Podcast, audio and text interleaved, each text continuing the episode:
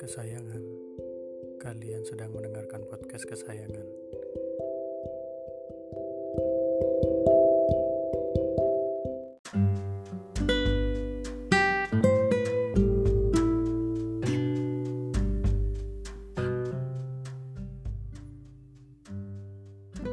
Sekarang tanggal 28 hari Selasa ya. Hari pertama penerapan PSBB di Jawa Timur, di kota Surabaya dan sekitarnya, Sidoarjo juga kalau nggak salah, yang jadi epicenter corona terbesar di Jawa Timur. Mulai diberlakukan protokol-protokol kayak gitu. Ada beberapa checkpoint sebelum masuk kota Surabaya dan kebetulan hari ini juga ada undangan paparan di salah satu dinas di kota Surabaya.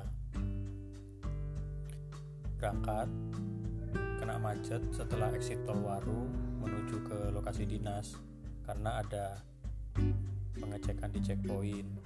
Ada beberapa peraturan yang mengatakan mobil itu nggak boleh lebih dari 50% kapasitas uh, mobil itu sendiri. Misalnya kayak sedan nih kapasitasnya kan 4 orang jadi cuma boleh diisi sama dua orang untuk menghindari uh, penyebaran virus itu sendiri sih. Itu pun aku juga baru tahu dari salah satu teman di kantor. Otomatis karena hari pertama mungkin protokolnya juga nggak siap kita juga mau nerapas-nerapas gitu kan. Ternyata jalan-jalan kecil ditutup jalan-jalan tikus ditutup. Mau gak mau kita harus lewat checkpoint itu. Macet. Nah sebenarnya ceritanya bukan itu sih. Waktu macetnya itu kan main-main Twitter tuh. Ada hal menarik yang aku dapat dari tweetnya Gusmus uh, kayak heartwarming gitu sih ceritanya. Pas baca tweetnya Gusmus itu. Gusmus retweet tweetnya Haidar Bakir presiden direkturnya Mizan. Jadi isi retweetnya Gusmus itu kayak gini tahun 1967 Dubes Republik Indonesia untuk Mesir Jenderal Moko Kinta bercerita ketika bertemu Presiden Abdul Nasir Presiden Abdul Nasir ini presiden pertama Mesir Beliau melihat di ruang kerja presiden hanya ada dua foto terpajang. Foto yang pertama foto istrinya dan foto yang kedua adalah fotonya Bung Karno. Presiden Abdul Nasir katanya Pak Dubes mengakui kalau Bung Karno adalah gurunya. Lumayan menarik sih. Terus aku tonton videonya dari kan uh, di dalam tweetnya Pak Haidar Bagir ini ada postingan wawancaranya salah satu mufti di Mesir, mufti besar yaitu namanya Mufti Ali Jum'ah itu diwawancara di salah satu TV lokal di sana. Nah, beliau bercerita semoga ini jadi catatan sejarah ya peristiwa ini gitu. Dulu Presiden Abdul Nasir ini pernah kepikiran untuk menutup Universitas Al-Azhar salah satu universitas tertua yang didirikan pada tahun sekitar sekitar tahun 900 Masehi. Ya, kalau buat anak teknik itu ibarat MIT-nya lah. Jadi universitas top yang mengajarkan ilmu-ilmu agama Islam. Nah, singkat cerita yang aku tahu dari internet ketika tadi riset-riset itu ada yang mengatakan kalau salah satu penyebab Presiden Abdul Nasir ini mau nutup Al-Azhar adalah karena banyaknya seringan kritik-kritik dari pihak Al-Azhar tentang kepemimpinannya Presiden Abdul Nasir. Sehingga dalam rangka merevolusi dari monarki ke presidensil usahanya itu yaitu kepikiran buat nutup Al-Azhar biar nggak terlalu banyak kritik. Ibaratnya berisik itulah ya mungkin merasa berisik banget kritikan. Aku mau bangun negaraku mau bangun negara dengan cerita dengan caraku supaya maju tapi kok banyak kritikan. Nah ke usaha-usaha ini cerita-cerita ini waktu itu dia sampaikan kebetulan waktu itu beliau pada tahun 1959 itu berkunjung ke Indonesia lebih tepatnya di kota Bandung waktu itu. Ketemu Presiden Soekarno ya basa-basi lah ya mungkin settingnya kurang lebih kayak gini Presiden Abdul Nasir hari ini anda mau ngerjain apaan? Ada pekerjaan apaan nih? Gitu. Nah curhat nih Presiden Abdul Nasir ke Bung Karno. Saya pengen menandatangani, menandatangani surat penutupan Al-Azhar langsung Presiden Soekarno yang waktu itu sama Mufti Ali Jum'ah itu disebutnya eh, Ahmad Soekarno bilang anda mau nutup Al Azhar itu maksudnya ngapain? Nggak sekalian nutup Sungai Nil nggak sekalian juga mau nutup piramida di yang terkenal itu.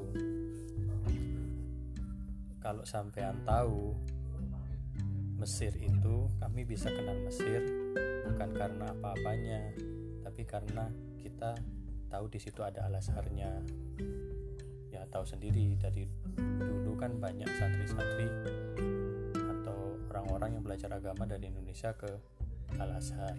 Itu sudah bergengsi banget top lah istilahnya. Nah itu terlontar menurut Mufti itu terlontar dari seorang yang sosialis. Bukan yang sibuk dari bukan orang yang sibuk dalam politik Islam bukan orang yang mementingkan politik dan komunis. Jadi kayak kita nggak kita nggak bakalan menghiraukan anda kok dengan ekonomi Anda atau kemajuan teknologi Anda. Justru kita mengenal Mesir itu karena Anda punya Al Azhar gitu. Nah, otomatis kayak wah, ini orang lumayan nih pemikirannya. Terus beliau Presiden Abdul Nasir tanya kan ke Presiden Soekarno waktu itu makin bingung dia ini aku harus ngapain ini untuk memajukan Mesir. Nah, ketika Presiden Soekarno ditanya sama Presiden Abdul Nasir supaya Mesir ini maju, Presiden Soekarno memberikan nasihat yang didengarkan dengan seksama oleh Presiden Abdul Nasir. Memper, Anda harus mempertahankan, menyokong, dan mendukung Al-Azhar. Itu waktu masih di Bandung. Nah, sepulang dari Bandung di Mesir, Presiden Abdul Nasir langsung membuat undang-undang nomor 103 tahun 1961 bahwa Al-Azhar akan menjadi rujukan Islam dunia, bukan hanya di Mesir aja. Dan di situ kalau diberitakan di Indonesia bahwa dulu Presiden Soekarno itu atau yang dikenal sama Mufti Ali Jum'ah itu Ahmad Soekarno uh, menyelamatkan Al Azhar dari terancamnya ditutup dahulu kala. Biasa media Indonesia bis suka ngasih judul-judul yang agak heroik gitu sih.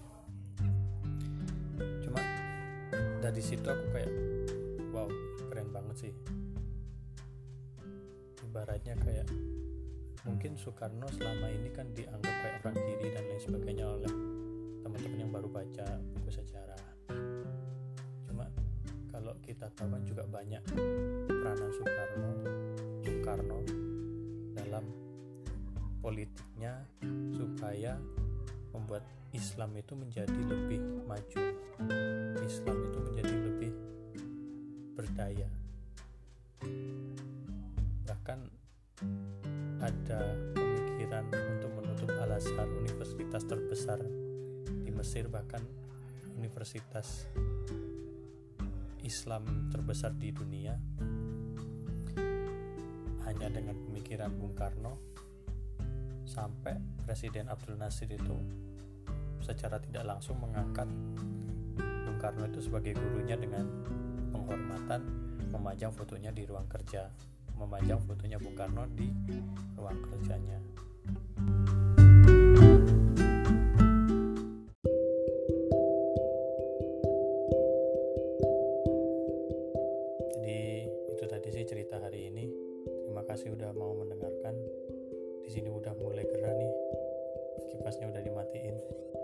jaga kesehatan, waspada bahaya laten COVID-19, jangan lupa makan dan istirahat yang cukup biar kuat menghadapi hari-hari dengan pandemi. Selamat malam dan sampai jumpa.